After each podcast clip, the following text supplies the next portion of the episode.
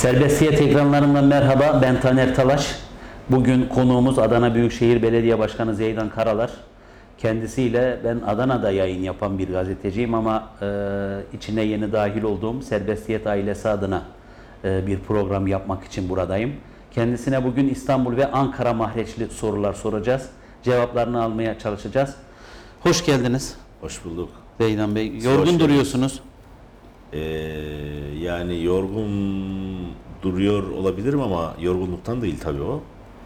Ee, çok çalışmak beni yormaz. Ama çözülmesi gereken binlerce problem var. Onların hepsi kafamda dönüyor. Ee, o bana öyle bir görüntü veriyor. Yoksa ben çalışmaktan falan yorulan, yorulabilen bir adam değilim yani.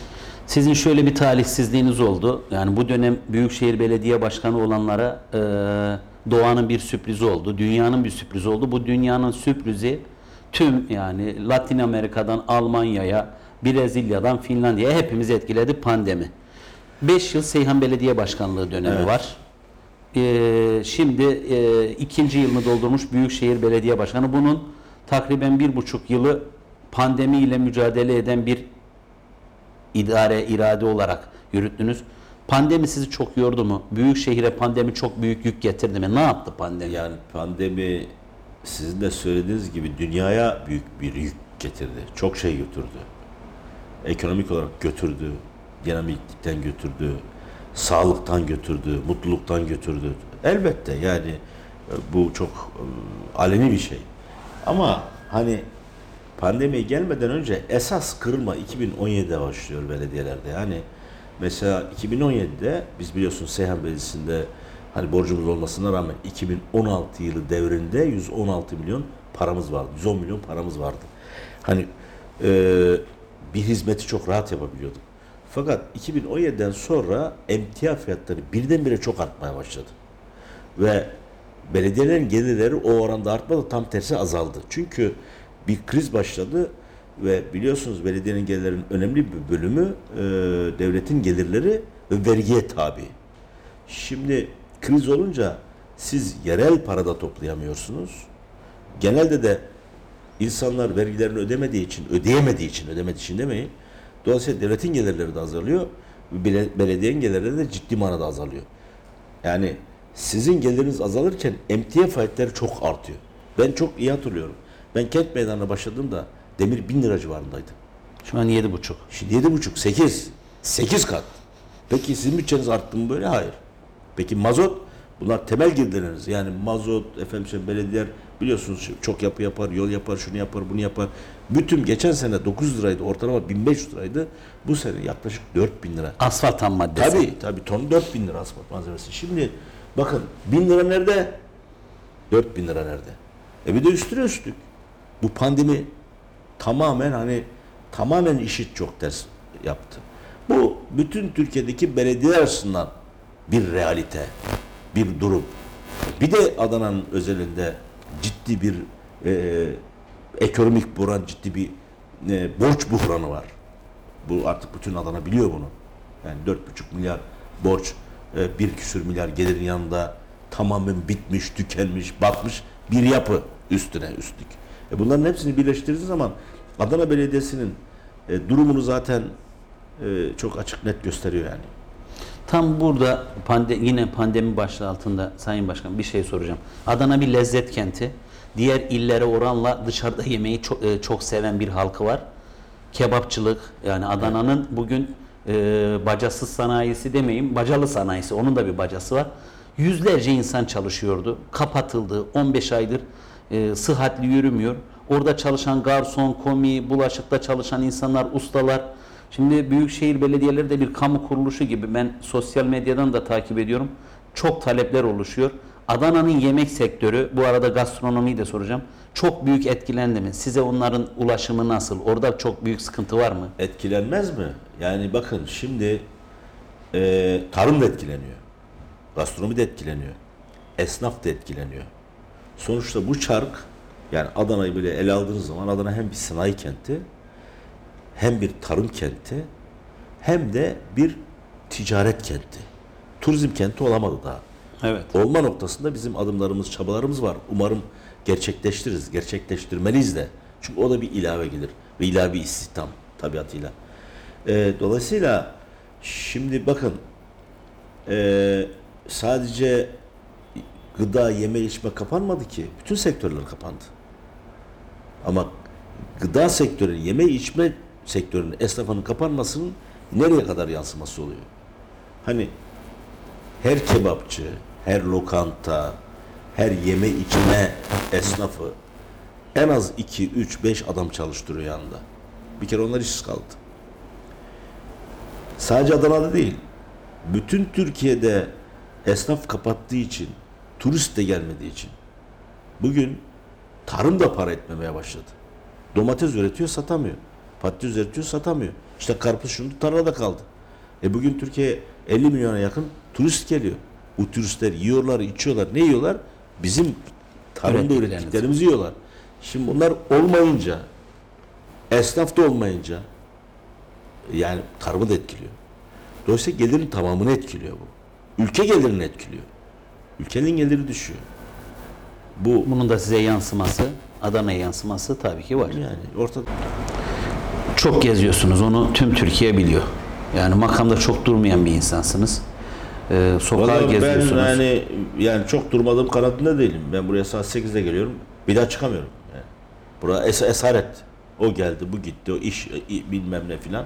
Bu o da başka bir kaos yani. Yok, Ben hiç bu, oturmayı seven bir adam değilim. Çünkü burada oturduğum zaman vaktimin %95'inin boşa gittiğini düşünüyorum. Ama yani makamda durmayı seven bir insan değilsiniz. Değilim. Ben de öyle biliyorum. Değilim. Büyük şehirde bu hani iş yükünden e, mütevellit şikayetçisiniz. Bu makam sizi çok Ya işgal iş- ediyor. Yani iş, iş yükünden şikayetçi olmam ben. Yani boşa vakit harcamak. Boş Tam- işlerin yükü. Tabii, gayet tabii yani. Çok mu geliyor Sayın Başkan? Ya Mesela bu e, işsizlikle alakalı bir şey söyleyecektim. Şimdi Adana bir sanayi kenti dediniz. Evet. Ben geçen gün haberini de yaptık. 5 yıllık istatistiği yayınladık. Hiç düşmemişti Adana. İlk 500'deki şirket sayısı açıklanıyor. Her sene seviniyorduk. Bir artıyor, bir artıyor. Bu sene 4 tane firmamız düştü. Türkiye'de en büyük 5 sanayi kuruluşunda 2019 verilerinde 14 firmamız vardı. Ona düştü. Ee, sanayide sanayicilerle ilişkiniz var sizin. Sanayici yani sanayide de mi böyle sıkıntı var? Niye o dört tane düştü? Yani bu pandemiden bağımsız mı? Adana'ya mı bir şeyler oluyor? Bir efsane doğdu. Adana geriye gidiyor. Siz e, tüm meselelere hakim bir insan olarak Adana geriye gidiyor mu? elbette. Ee, belki geriye gitmesi bile duran bir hali var.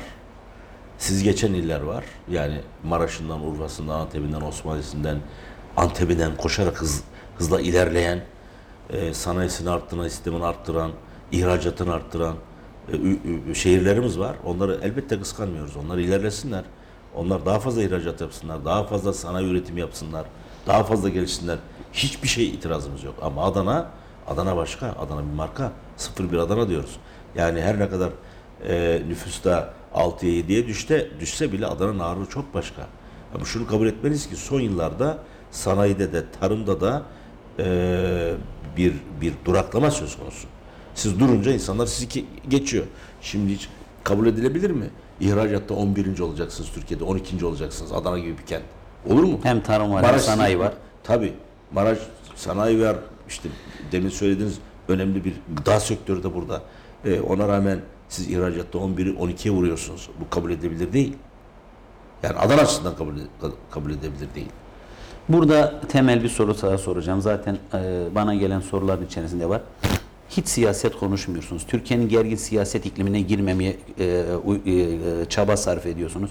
Adana'nın o çok kültürlülüğünü yansıtıyorsunuz. Bunun bir katkısı oluyor. Mesela ben sizi böyle çok iktidarla uğraşırken görmüyorum. Çok onlarla tartışırken görmüyorum. Sizin bu yaklaşımınıza Adana Büyükşehir Belediyesi'ne bir dönüşü oluyor mu iktidar marifetiyle? Şimdi bunu biz yani iktidar bizi görsün ha bak biz size çatmıyoruz bize iyi bakın diye yapıyor değiliz. Ben ömrümce halk bana ne mission yüklemişse ya da bulunduğum görevin misyonu neyse onu yerine getirmiş bir adam. Getirmeye çalışan bir adam. Şimdi benim il başkanlığımı hatırlarsınız. Ben Cumhuriyet Halk Partisi başkanlığı yaptım. Benim işim iktidarı eleştirmekti. Etkin de eleştiriyordunuz. Etkin de eleştiriyorum çünkü ben muhalefet partisinin il başkanıyım. Elbette onların icraatlarını bize göre olumsuz icraatlarını eleştireceğim. O zaman benim misyonum oydu. Bir milletvekili olsam ona devam ederdim. Ama şimdi bana çok sevdiğim Adanalı kardeşlerim Adana halkı Adana'ya hizmet misyonunu yükledi. O görev bana verdi. Yani sen hükümeti eleştir, onu yap falan diye bir misyon yüklemedi. Ağır bir görev verdi. Adana'yı dönüştürmek, değiştirmek, geliştirmek. Hani demin de söyledik ya du- duraklayan e, başkası i- ileride diye e, böyle sanki gerilemiş gibi görünen Adana'yı tekrar eski günlerine kavuşturmak noktasında Büyükşehir Belediyesi olarak ne yapabileceksek, ne katkı koyabilecek onu yapmayı bana görev addetti. Bunun Ben- gereğini yapıyor. Ben onun gereğini yapıyorum. Yoksa biri beni takdir etsin. Vay bak Zeydan Kara ne güzel güzel yapıyor. Bu, bu öyle bir şey değil yani. Böyle bir şey değil. Bugünkü görevin, e, getirdiğiniz konumun bazı şartları var, ağırlıkları var. Bunun gereği, Ve ben bugünkü şimdi yürüttüğünüz enerjimi- politikanın gereği. Enerjimi ulusal politikayla elbette ilgileniyorum. Ben aydın yurtsever, ülkesini çok seven bir insanım. Elbette ilgileniyorum. Okuyorum, bakıyorum, dinliyorum. Ben de yorumlar yapıyorum. Ama işim hani bir genel siyaset konuşmak, onu Değil. eleştirmek, o vakti oraya harcamak değil. Benim vaktimi tamamen Adana'nın gelişmesi, daha iyi olması ve hatta bu bataktan kurtarılması ile ilgili e, e, e, ona kullanmak yeteneklerimi, becerimi, vaktimi ben buna çalışıyorum. Sayın Başkan, e, e, yine Ankara İstanbul mahreçli bir soru var. Diyorlar ki ki doğru. Biraz önce saydınız Adana bir sanayi kenti, bir tarım kenti ama en çok övünç kaynaklarımızdan bir tanesi de Adana bir kültür kenti, bir mozaik. Sinema var, edebiyat var, sanat var. Adana'da çok çeşitli etnik gruplara, inançlara sahip insanlar hoşgörü içinde yaşıyor. Bu arada da yani e, t- 2021 e, Türkiye'sinde hala haklarını hakkıyla vermediğimiz gruplar var. Alevi vatandaşlarımız var. Kürtlerden gelen talepler var. Dil kursu gibi. E, bunlarla alakalı mesela geçen İstanbul Belediyesi bir Kürtçe kurs e, bir öyle bir şık bir şey yaptı. Adana'da binlerce Alevi yurttaşımız var. Yani ciddi mesela cemevi falan göremiyoruz. Size gelen taleplerde, o taleplere yaklaşımlarınızda durum nedir? Oradaki insanlarla ilişkileriniz ne durumda? Şimdi bakın biz sosyal demokratlar insanları dil, cins, ırk, din ayrımı yapmadan kucaklarız. Bizim böyle bir ayrımımız zaten söz konusu değil. Yani kim neye inanmak istiyorsa inanır. Zaten bizim dinimizde de, kutsal dinimizde de zorlama yok. E, kaldı ki hiç kimsenin ben şuyum, ben buyum diye ölmeye hakkı falan da yok. Yani hiç kimse kendi kendini ısmarlayıp bir yerde doğmuyor.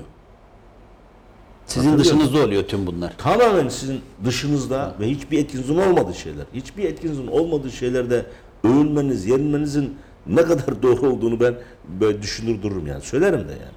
Şimdi ama mesela Taner Talaş ya da Zeydan Karalar hani dar bir bölgeden, ekonomik şartları zor bir bölgeden, sıkıntılı bir yerden gelip kendi başarıları varsa ortaya koydukları ondan övsünler. Ona bir itirazım yok.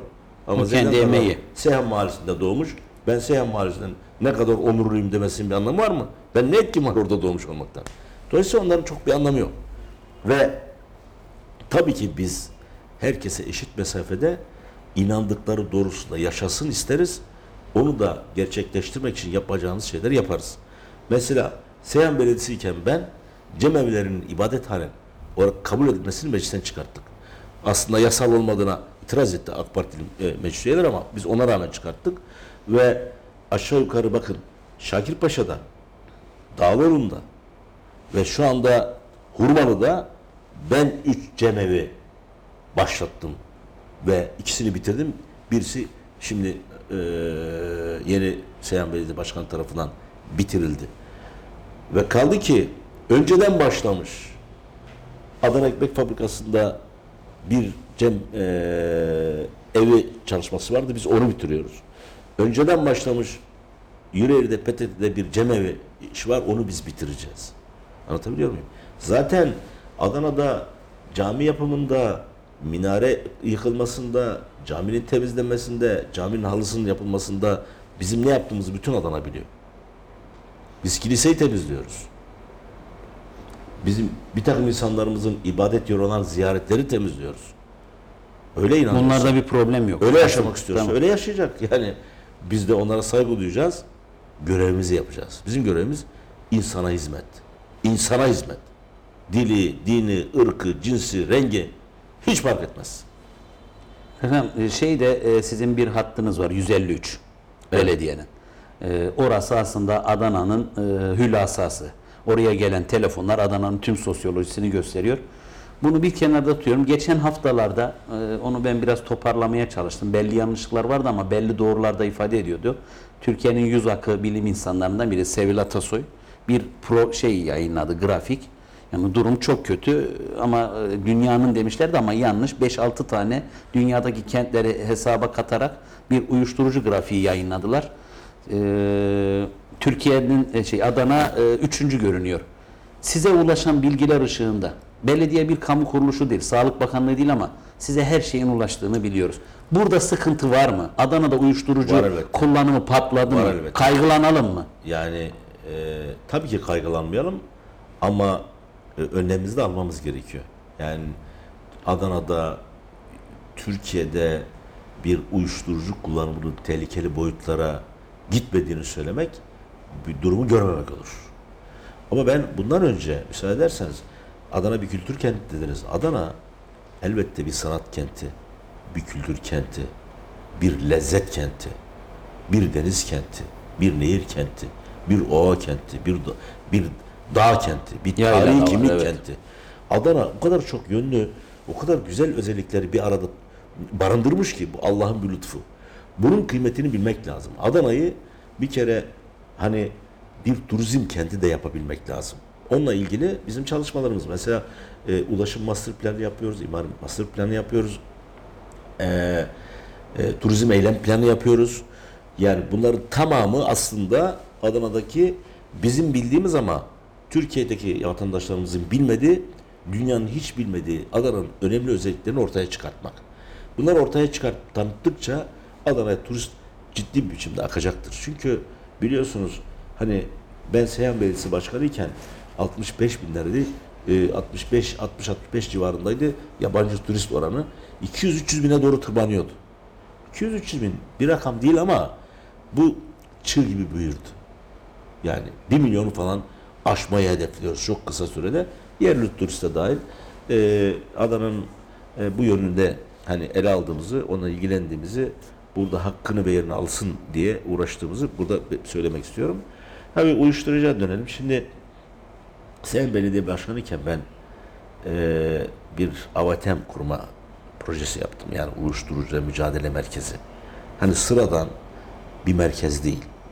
Çok büyük, devasa, Türkiye'de ikinci büyük bir uyuşturucuya e, mücadele merkezi e, kuracaktık. Yaklaşık 17 bin metrekarelik bir alana. Çünkü orada sadece ilaç tedavisi yetmiyor.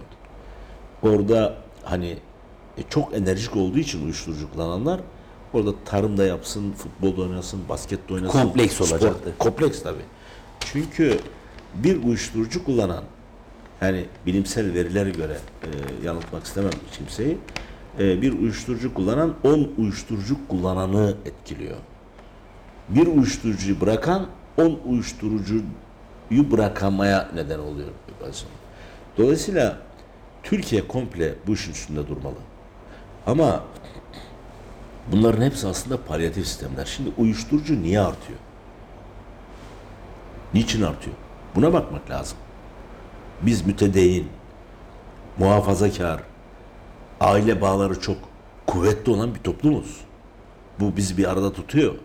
Bu son derece önemli. Bundan asla vazgeçmemek lazım. Ama bunun yanı sıra buna rağmen uyuşturucunun artmasının temel nedeni artık gençlerimiz umutsuz, geleceğe umutla bakamıyor. Yani üniversite bitirmiş iş yok. Askere gitmiş gelmiş iş yok. Kızımız üniversite bitirmiş iş yok. İş bulma umudu da yok. Neden bu? Burada şuna gücünüz yeter mi? Biz eğer biz eğer ülke olarak o gençlere umudu tekrar verebilirsek otomatikman hani kötü alışkanlıklar azalır. Net yani. Bu zaten başlıklarımızdan bir tanesi buydu. Yani genç işsizler ve yeni bir kavram çıktı. Zeydan Bey yeni çıktı bu. Ev gençleri diye. Dediğiniz gibi iki üniversite bitirmiş. Çocuk yabancı dil biliyor. Yani üniversiteli işsizler diye bir kategori doğdu. Ben sizinle konuşmalarımda hep en büyük şikayetiniz şuydu. Taner bıktım iş arayandan, iş için telefondan. bıktım Değil de tamam. hayır, bıktım. Ben ben Değil mi? gazeteci rahatlığıyla Yani kendi- konuşayım hayır, ama kendi- yetişemiyorum Kendi diyordunuz. kardeşlerimizden, kendi memleketimizden, milletimizden bıkacak halimiz yok. Ama bu bir yani bu üzüntü verici bir tablo. Sizi Adana'da 354 bin işsiz araştırması yapılmış. Yeni bir araştırma. Ben her seferinde 350 bin işsiz olduğunu araştırma yapmadan söylüyordum. Bu- Anlatabiliyor muyum? 350 bin işsiz ne demek ya Adana? Yani çok büyük yani, rakam. Ya ne demek? Devasa bir Doğru. rakam yani. Devasa bir rakam. Şey var mı? Bu yani işsizliğin altına gücünüz kalkmak mümkün değil. Buradan hani şöyle bir şey söylemek lazım. Yani Zeydan Karadar'a bir güven var. Zeydan Karadar'ın ismi vatandaşlar tarafından mütülüyor. Onlara ben şükranlarımı sunuyorum. Çok teşekkür ediyorum. Böyle gördükleri için son derece tabii ki onur ve gurur duyuyorum ama e şimdi kardeşim yani belediye işsizliği çözsün diye bekliyorlar. Böyle bir şans çözebilir olsa, mi? Böyle bir şans olsa zaten çözer. Böyle bir şey yok ki. Belediye istihdam yarasın diye kurulmuş bir müessese değil ki. Belediyeler millete hizmet etsin. Kenti dönüştürsün. Yol yapsın. Yeni yeni şeyler yapsın. Güzellikler yapsın. Kütüphaneler yapsın. Yollar yapsın. Alt geçitler yapsın. İşte ne bileyim kreşler yapsın. Tabii ki demin de söylediğiniz gibi işte e, e, ibadethaneler yapsın. Gerekirse insanlara ve kenti dönüştürsün, güzelleştirsin diye yapar. Bunlara ihtiyaç olduğu sürece adam alır belediye. Ama belediyenin konumlandırılması halk tarafından ya biz sana oy verdik iş ver. Bir, bir oyunda borcu ödenmiyor yani.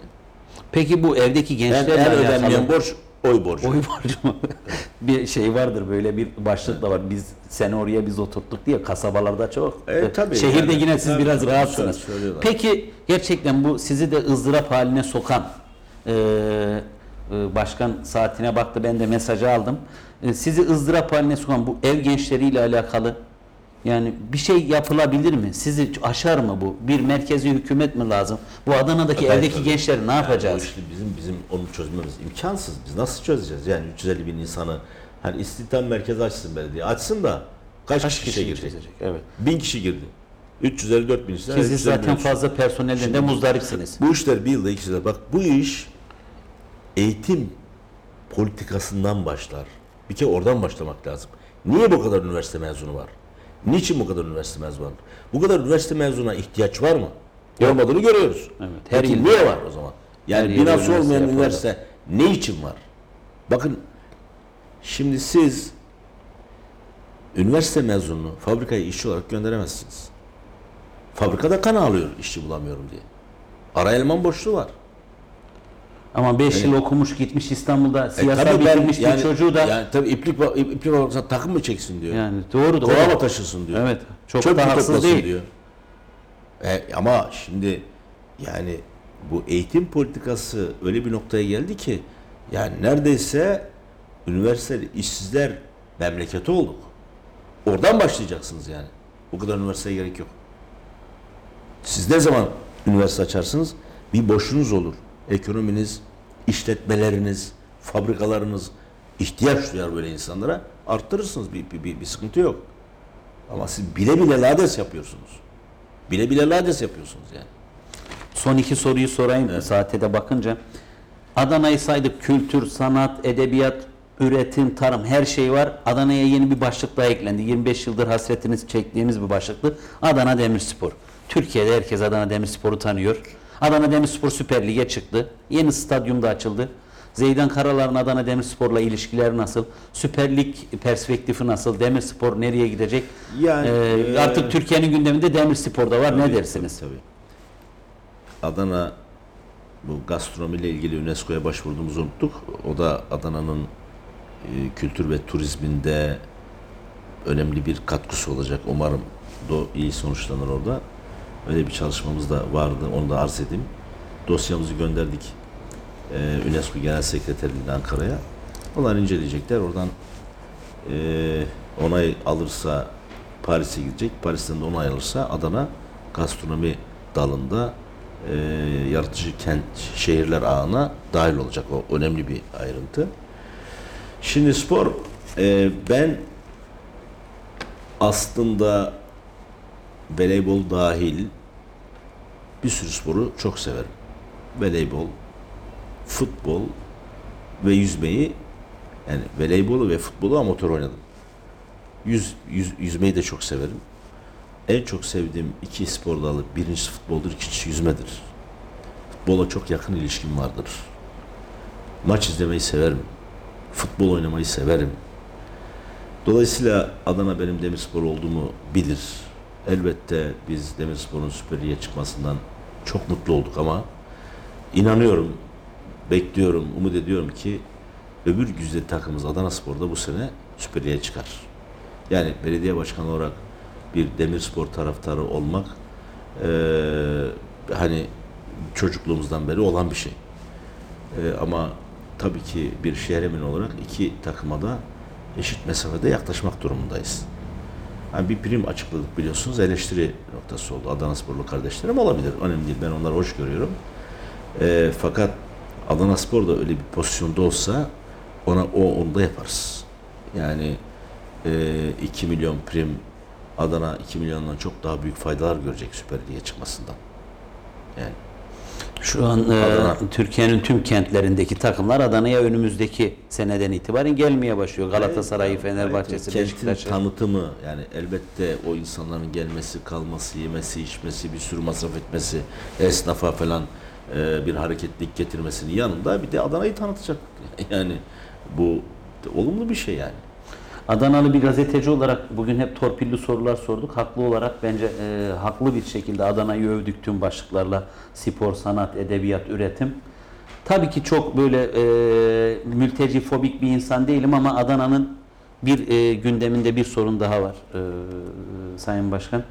E, sizin hizmetlerinize bu boyutuyla yansıması ne oluyor? Suriyeliler. Adana'da rakamını bilmiyorum. Siz biliyorsanız rakamını da söyleyin. 400. Suriyelilerin toplandığı mahalleler var. 400 bin. Orada sıkıntılar var. Dün Adanalı bir gazeteciyle sohbet ettik. Sıkıntılı durumlar var. Belediyeye yansıması nasıl? Sizin gördüğünüz durum nasıl? Adana'da bir Suriyeli sorunu var mı? Oraların hizmete götürülmesiyle Yani alakalı. Adana'da Türkiye'de bir Suriye sorunu var. O o başka bir felaket yani. Bir kere baştan aşağı Suriye politikasını eleştirmek lazım. Buna gerek yoktu. Buna müsebbip mevcut e, Suriye politikası. Yani Suriye'deki o kargaşaya destek vermek, oradan işte efendim e, böyle bir mülteci hareketine ya da misafir ne derseniz deyin hareketine bir kere neden olmak büyük bir yanlıştı. Ama içinde bulunduğu artık bir realite yaklaşık 350 binin üstünde 400 bine yakın bir Suriyeli mültecimiz var. Ee, onların da büyük bölümü bizim vatandaşımız olacak. Yani orada kan bitse bir gidin deseniz bunların 130 falan gitmez. Bunun elbette Adana ekonomisine ya da Türkiye ekonomisine ara eleman konusunda küçük bir faydası olmakla birlikte zararına baktığınız zaman çok daha büyük. Bir kere Sayın Cumhurbaşkanımız 40 milyar dolar para harcadık diyor. Yani anlatabiliyor muyum? Düşünün 40 milyar doları biz bir başka ülkenin vatandaşına harcamaktan eee, öte sanayimizi beslesek belki bir 5 milyon insanın istihdam eee, bulmasına, iş bulmasına neden olacak bir iş olurdu. E, yani e, bir kere kültür farklı, yapı farklı, alışkanlıklar farklı, e, yeme içme farklı, temizlik anlayışı farklı. Yani bir olumlu görüntü vermiyor Adana'mıza yani o iş. Ne yazık ki bir yük. Onun üstüne, tüm bunların dışında bunun üstüne siz o 400 bin lira, 400 bin insana hizmet ediyorsunuz ve onlar için bir tek kuruş para almıyorsunuz devletten. Kayıtta görünmüyor. Siz İller Bankası'ndan o münasebetle para alıyorsunuz. Kayıtta mesela şu anda yaklaşık 350'nin üstünde 400 bine yakın Suriyeli olduğunu tahmin ediyorum. 260 bine yakın hatta 270 bini buldu resmi kayıt Suriyeli. Ben 250 bin falan dediğimde bana karşı çıkıyorlardı. Şu anda 270 bine yaklaştı resmi kayıt. Biliyorsunuz yani Adana'nın her tarafında dağılmış Suriyeliler onu kaydetmek de çok mümkün değil. Yani kamplardakini hani bir, bir işi düşmüşse kendini kaydetmişse onu kaydedersiniz ama bir sürü işte Güney mahallelerinde, bir sürü Suriyeli falan kaydetmek mümkün değil. Yani benim söylediğim rakam çok şaşmaz. 350 bin çok üstünde. Ee, dolayısıyla biz yani belediye hizmetleri devletin bize kişi başına verdiği parayla yapıyoruz.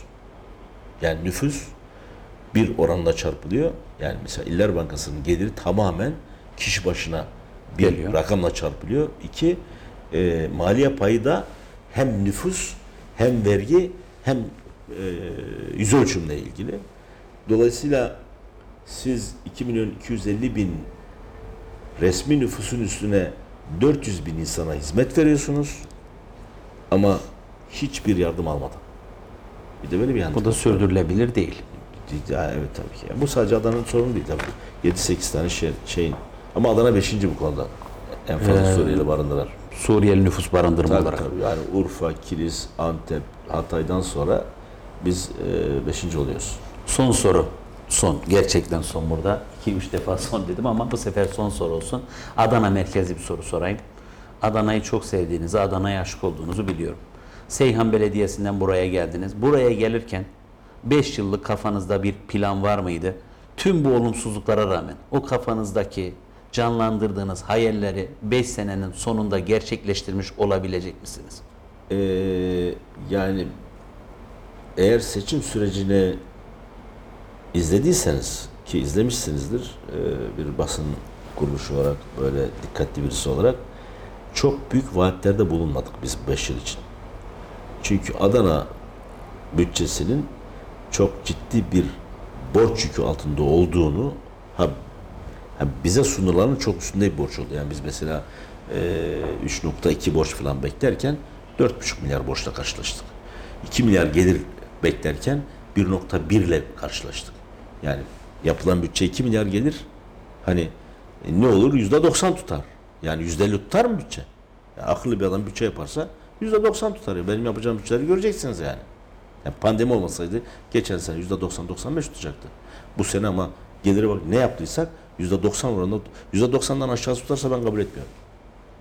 Yani işi bilen bir adam bütçeyi gerçekçi yapar. Dolayısıyla biz hani 3.2 milyar borç alacağız gibi düşünürken 4.5 milyarla karşılaştık. 2 milyar civarında gelir düşünürken 1.1 gelirle karşılaştık. Bu bizi eee, yani yapacaklarımızdan alıkoydu ister istemez. Eee, zaten seçim satımlarında öyle çok büyük ütopik proje falan sunmadık. Ama ne dedik? Dedik ki yani Adana'yı işte arıtmaları bitireceğiz. Arıtmalar yapıyoruz. Adana'da özellikle su olmayan yerlerde su problemini çözeceğiz. Su fiyatlarını yüzde otuz geri çekeceğiz. Bir çektik biliyorsunuz. Ama mesela vatandaşlardan şikayet diyor işte su pahalı diye. Sevgili vatandaşlarım Adana'da su 27. sırada. En ucuz 3 il arasında. Yani Adana'da su pahalı değil. Ee, fakat tabii insanlar ekonomik olarak bitmiş olduğu için ayda 50 bin lira, 100 bin lirayı da pahalı görüyor artık. Yani yani ayda 100 lira su parası çok büyük para değil. Abi çok kullanıyorsan zaten çok ödeyeceksiniz. Bu çok Ama doğal bir şey. genel bütçeyi çok etkileyen bir gider değil su parası. Ya elbette şimdi yani bir Marlboro sigarası 15 lira mı bilmiyorum kaç lira. Ben hiç bilmiyorum. bilmiyorum. Yani 4 Marlboro sigarasına sen ayda su kullanıyorsun yani ama işte vatandaş yani dediğim gibi çok ekonomik zorluk çektiği için onu onu şey yapmıyor. Yani su tahsilatında falan çok büyük sıkıntılar çekiyoruz. Or- Oraya çok girmeyeyim. 12 kreş sözü verdik. 2 sent merkezi sözü verdik. Ee, bir merkez kütüphane yaklaşık 11-12 tane de semt kütüphaneleri söz verdik. İki alt geçit yapacağız. Ee, onları planladık. Yani şimdiye kadar onları yaptık mı yapamadık ama e, kreşlerle ilgili ciddi hazırlığımız var. Semt merkezleriyle ciddi hazırlığımız var. Kamulaştırmayı bitirmek üzereyiz. Başladık, bitiriyoruz. Ee, merkez kütüphane ile ilgili yakında ihaleye çıkacağız. Bunlar hani alt geçitlerle ilgili işi biliyorsunuz Adana'da özellikle pandemiden dolayı herkes kendi arabasını kullandığı için çok ciddi bir trafik sıkıntısı var. Evet trafik şu an Birkaç çok alt sıkıntılı. geçit şart Adana'ya. Yani işte E5'in altını hipodroma kadar mı geçirelim yoksa merkezde birkaç yerim yapalım. Ee, imkanlarımız çerçevesinde. Çünkü Yani sadece iki tane değil mesela Kozan yolu lazım. Efendim söyleyeyim eee o Kiremithane'nin oradan geçen o daha Kozan Caddesi'nde belki belki sadece oraya 5-6 tane alt geçit yapmak lazım. Çünkü her tarafta trafik çok diyor. Buruk yolu biliyorsunuz mezarına giden sürekli tıkanıyor. E burada Vefa Caddesi tıkanıyor, Kıbrıs Caddesi tıkanıyor, Manisa'nın Ali Bey Caddesi tıkanıyor. Bunu pandemiye mi genelde bağlıyorsunuz? Muazzam bir trafik şeyi Ge- oluştu. Tabii pandemi onu tetikledi. Toplu ulaşım Ama kullanılmıyor. metropollerde, megapollerde eğer sizin toplu taşıma ayağınız eksikse zaten trafik sıkıntısı çekmemiz olası değil.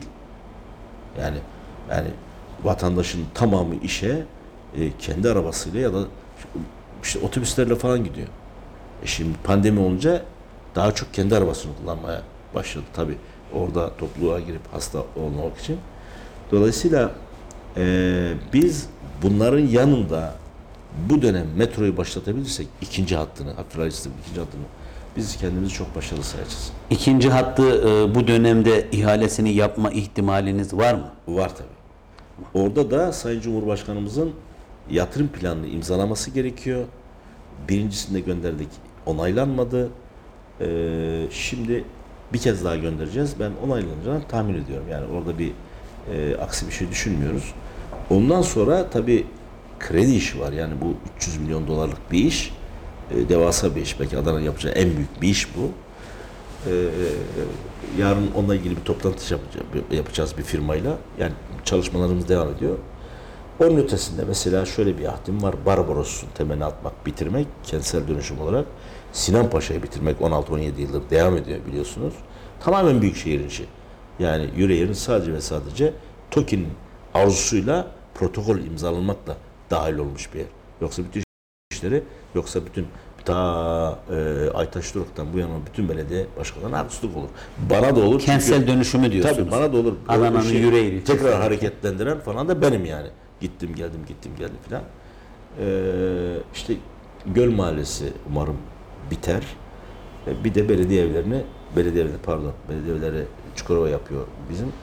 Ee, 2000 evlerini bitirmek niyetimiz var. Bir dostumuz diyor ki e, Zeydan Bey'e niye Adana gibi başkan diyorlar diyor. Bu ne anlama geliyor diyor. Niye diyorlar? Çok basit. Yani Adanalı eee, yani Adana'nın bütün özelliklerini taşıdığım için sanıyorum. Yani bu çok böyle hani böylesine çıkmış bir şey değil.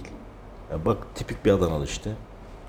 Sindiriyle neyse Şefkatiyle de diyelim. Sertliğiyle yani Adana'nın bütün özelliklerini Zeydan Başkan taşıdığı için Adana gibi başkan dediler. Yani eee, bu kadar tutmasının nedeni de o. Yani öyle bir yapıştı ki bize. Biz o özellikleri taşımasak yapışmazdı. İstediğin kadar bir adama lakap at. Yani o lakapla adam özdeşleşirse o tutuyor gidiyor beraber.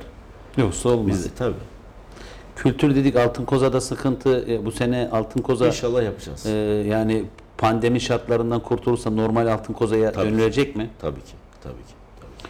Tamam e, ben hep son soru son soru söyledim. Onu da bir taktik olarak kullandık gibi oldu. Çok teşekkür ederim. Bir programınız olduğunu biliyorum. 40 dok- e, dakikayı doldurduk. Zaman ayırdınız. E, Çok sıkı mesaidesiniz biliyorum. Teklif ettiniz, ettik, kabul ettiniz. Zaman da ayırdınız. Ben çok teşekkür ediyorum. Ben değerli Başkanım. bilim adamlarına da buradan teşekkürlerimi sunuyorum. Eyvallah. Saygılarımı sunuyorum.